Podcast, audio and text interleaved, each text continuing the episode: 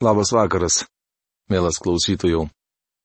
Šiandien, kaip esame pratę, toliau keliausime Biblijos puslapiais. Senojo testamento puslapiais. Patarlių knyga. Šiandien apžvelgsime Patarlių knygos 27 skyrių. Pradėkime maldą.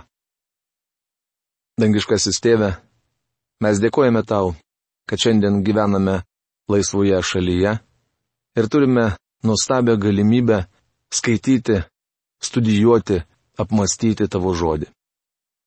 Ačiū tau, kad šį vakarą po darbo dienos mes galime viešpatė prašyti tavęs padėti mums, suprasti tai, ką šiandien tu esi paruošęs mums šiuose išminties skyriuose.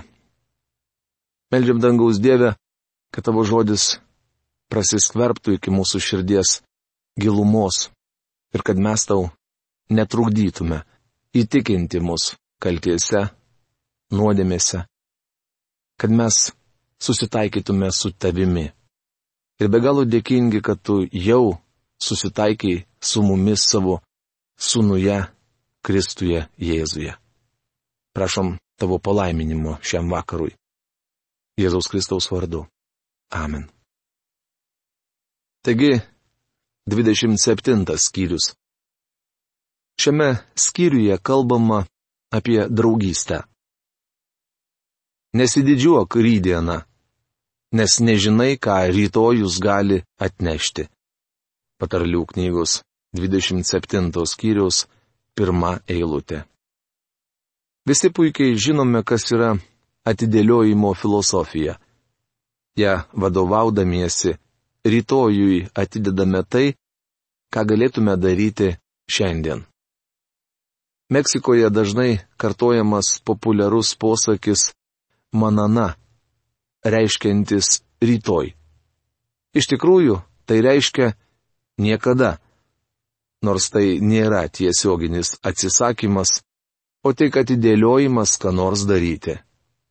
Tai lengviausias kelias ispanų patarlė byloja, eidamas aplinkiniais keliais, niekada neteisi. Mes dažnai sakome, gerais norais kelias į pragarą grįstas. Panašiai sako ir anglai. Atidėliojimas yra laiko vagis. Nieko netidėlioti ragina ir Dievo žodis. Laiško hebrajams Ketvirtos skyriaus septintoje eilutėje skaitome. Jei šiandien išgirsite jo balsą, neužkietinkite savo širdžių. Antro laiško korintiečiams šeštos skyriaus antroje eilutėje parašyta. Štai dabar palankus metas, štai dabar išganimo diena. Pranašas Izaijas skelbia. Viešpat sako, eikite šiandien ir drauge pasvarstykime. Tai prašoma Izaijo knygos pirmos skyriaus 18 eilutėje. Žmogus linkęs palaukti kito karto. Prisimenate, jog valdytojas Feliksas, girdėdamas Evangeliją iš apaštalo Pauliaus lūpų, drebėjo. Paulius nors ir buvo kalinys, pasakojo šiam vyrui, kaip jis gali išgelbėti savo sielą. Tačiau Feliksas atsiliepė, šiam kartui užtenka, gali eiti. Kai bus metas, aš tave pasišauksiu. Tai prašoma apaštalų darbų knygos 24 skyriaus 25 eilutėje. Žinome, jog tas metas valdytojui Feliksui taip niekada ir netėjo. Kitas atidėlioti mėgęs žmogus buvo Egipto faraonas. Kai Mozės su Aaronu prašydavo, kad leistų izraelitams eiti ir paukoti savo dievui auką, jis vis žadėdavo, jog tai padarys rytoj. Šie nuolatiniai atidėliojimai jam kainavo vyriausiojo sunaus gyvybę. Be to, žuvo visi egiptiečių pirmagimiai. Taigi šiandien yra išganimo diena. Jūs nežinote, ką atneš rydiena. Mielas klausytojų, nepraplaukite pro šalį, pasinaudokite šitą žinę, nes anot autoriaus rytojaus gali nebūti. Rytojaus paprasčiausiai mes galime nesulaukti. Šiandien yra metas. Šiandien, kada girdime Dievo žodžio aiškinimą, kada girdime pačių Dievo žodžius, mes galime padaryti sprendimą, priimti juos į savo širdį ir gyventi su jais. Gyventi naują, atnaujintą gyvenimą. Ar pasilikti mirtyje.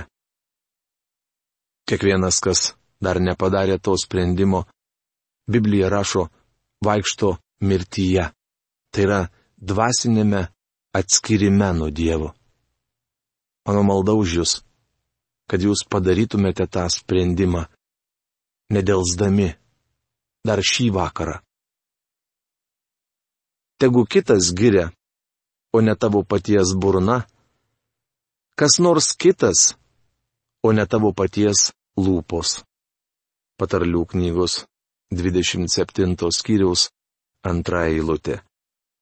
Šią patarlę puikiai iliustruoja galijoto likimas. Jis kasdien puikavosi prieš Izraelio gretas, demonstruodamas savo raumenis.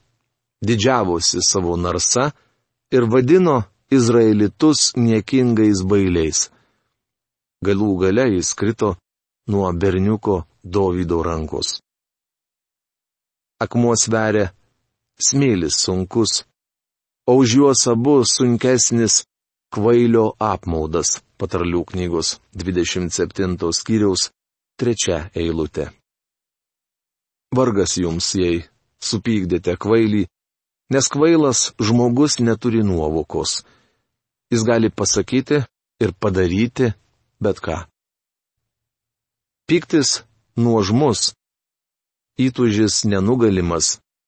Bet kas gali atsispirti pavydui?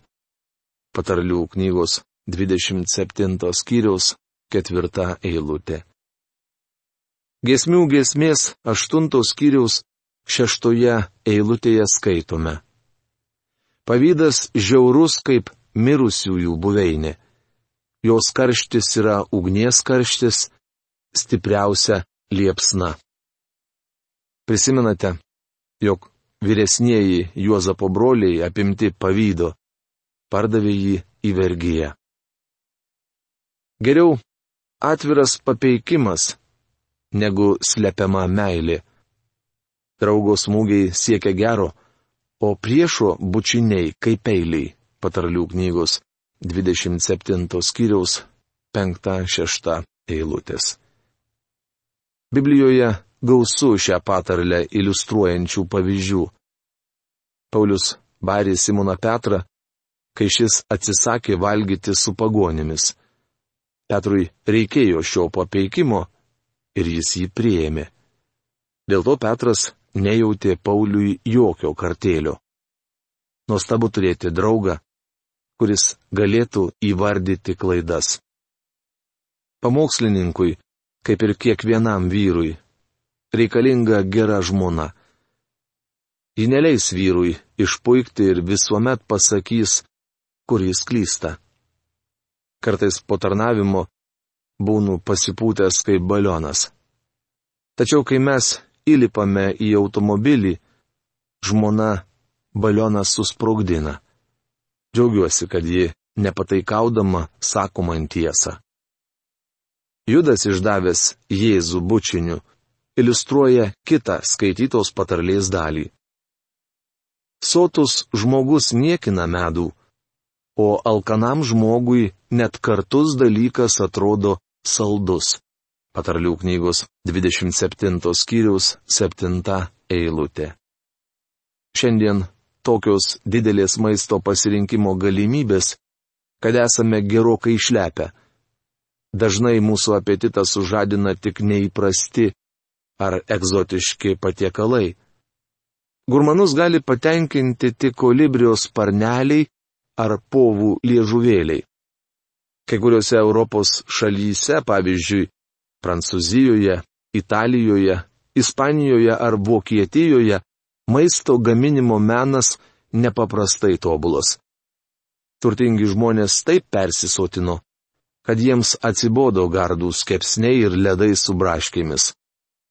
Taigi vyrėjai turi gerai pasukti galvas, kaip pagaminti neįprastų ir dar skanesnių valgių. Tačiau alkanas žmogus valgo bet kokį maistą. Šį patarlė puikiai apibūdina požiūrį į Dievo žodį. Mes turime valgyti jį, krimsti ir atrajoti. Tai reiškia, kad Dievo žodį turime ne tik priimti, bet ir apmastyti. Turėtume prašyti, kad viešpats duotų mums apetitą ir tikrą Dievo žodžio alkį. Kaip paukštis, skraidantis toli nuo savo lizdo, yra žmogus klajojantis toli nuo savo namų. Patarlių knygos 27 skyriaus 8 eilutė. Daugelis žmonių bažnyčiose ir kitose krikščioniškose organizacijose yra kaip apvalų skaičiai kvadratinėse skylėse arba kvadratiniai kaiščiai apvaliuose skylėse. Jie ne savo vietoje. Matote, kiekvienam tikinčiajam Dievas yra davęs dovaną. Kiekvienam suteikiama dvasios apraiška bendram labui. Tai prašoma pirmame laiške korintiečiams 12 skyriaus 7 eilutėje. Bet to Dievas yra numatęs kiekvienam tikinčiajam vietą, kur jis galėtų naudoti savo dovaną. Bet dabar Dievas sudėliojo kūne narius ir kiekvieną jų kaip panorėjo. Tai prašoma pirmame laiške korintiečiams 12 skyriuje 18 eilutėje. Mes turėtume būti toje vietoje, kurią yra numatęs Dievas ir naudoti jo suteiktą dovaną. Naujajame testamente paminėti žmonės, kurie regis nenaudojo savo dovanų. Pavyzdžiui, Paulius kalbėjo apie jaunuolį vardu Demas. Nes Demas pamilę šį pasaulį, paliko mane ir iškeliavo į Tesaloniką, rašoma antrame laiške Timotiejui ketvirtame skyriuje dešimtoje eilutėje. Jis grįžo į pasaulį. Žinome, jog Demas taip niekada ir nepritapo toje vietoje, kurią Dievas buvo jam numatęs.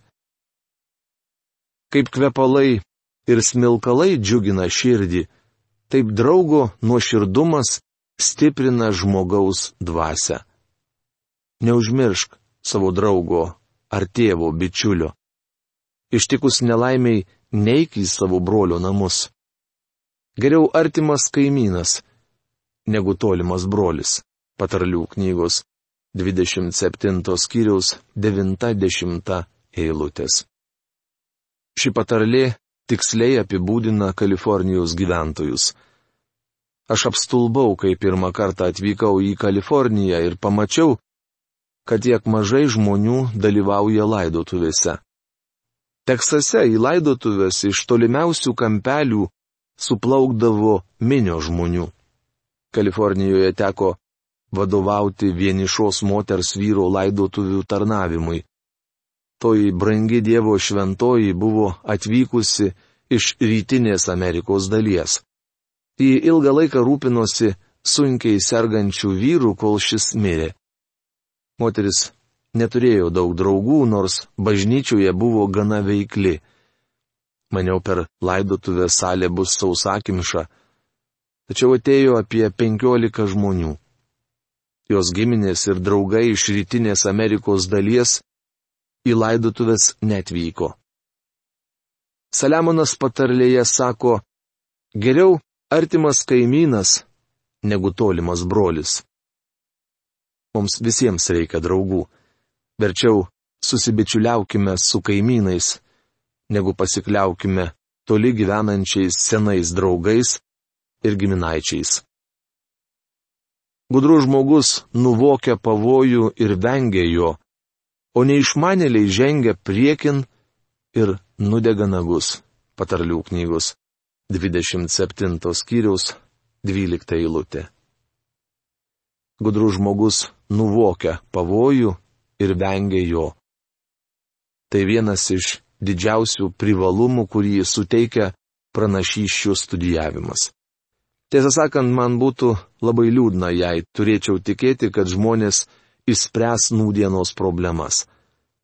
Žmogus negali to padaryti. Mūsų laukia krizė ir katastrofa. Manau, dėl to nekyla jokių abejonių. Tik vailys gali manyti, jog yra pajėgus išspręsti pasaulio problemas. Dievo žodis aiškiai sako, kad mūsų laukia bėda. Šį pasaulį ištiks Dievo bausmė. Norėčiau trumpai ir aiškiai išsakyti dar vieną mintį susijusią su skaityta patarle. Apsidrauskite. Viešpats nori, kad jūs ruoštumėtės ateičiai. Gudrus žmogus nuvokia pavojų ir vengia jo. Jis pasirengia artėjantiems sunkumams. Kai kurie žmonės laikosi nuomonės, kad mums nereikia rūpintis savo senatve. Neva tuo pasirūpins viešpats. Tokia nuostata yra kvaila.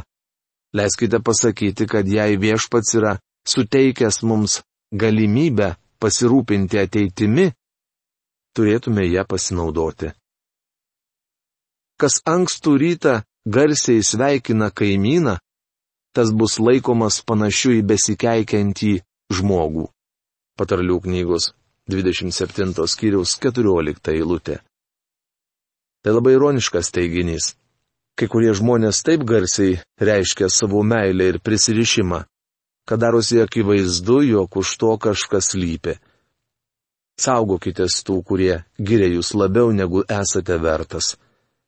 Antroje Samuelio knygoje, 15 skyriuje pasakojama, kaip Apšalomas pavirgė Izraelio žmonių širdis. Jis keldavosi anksti ir stovėdamas prie miesto vartų, kalbėdavo su tais, kurie ateidavo pas karalių. Apšalomas pataikaudavo žmonėms, apsimesdamas, kad juos myli ir domisi jų bylomis.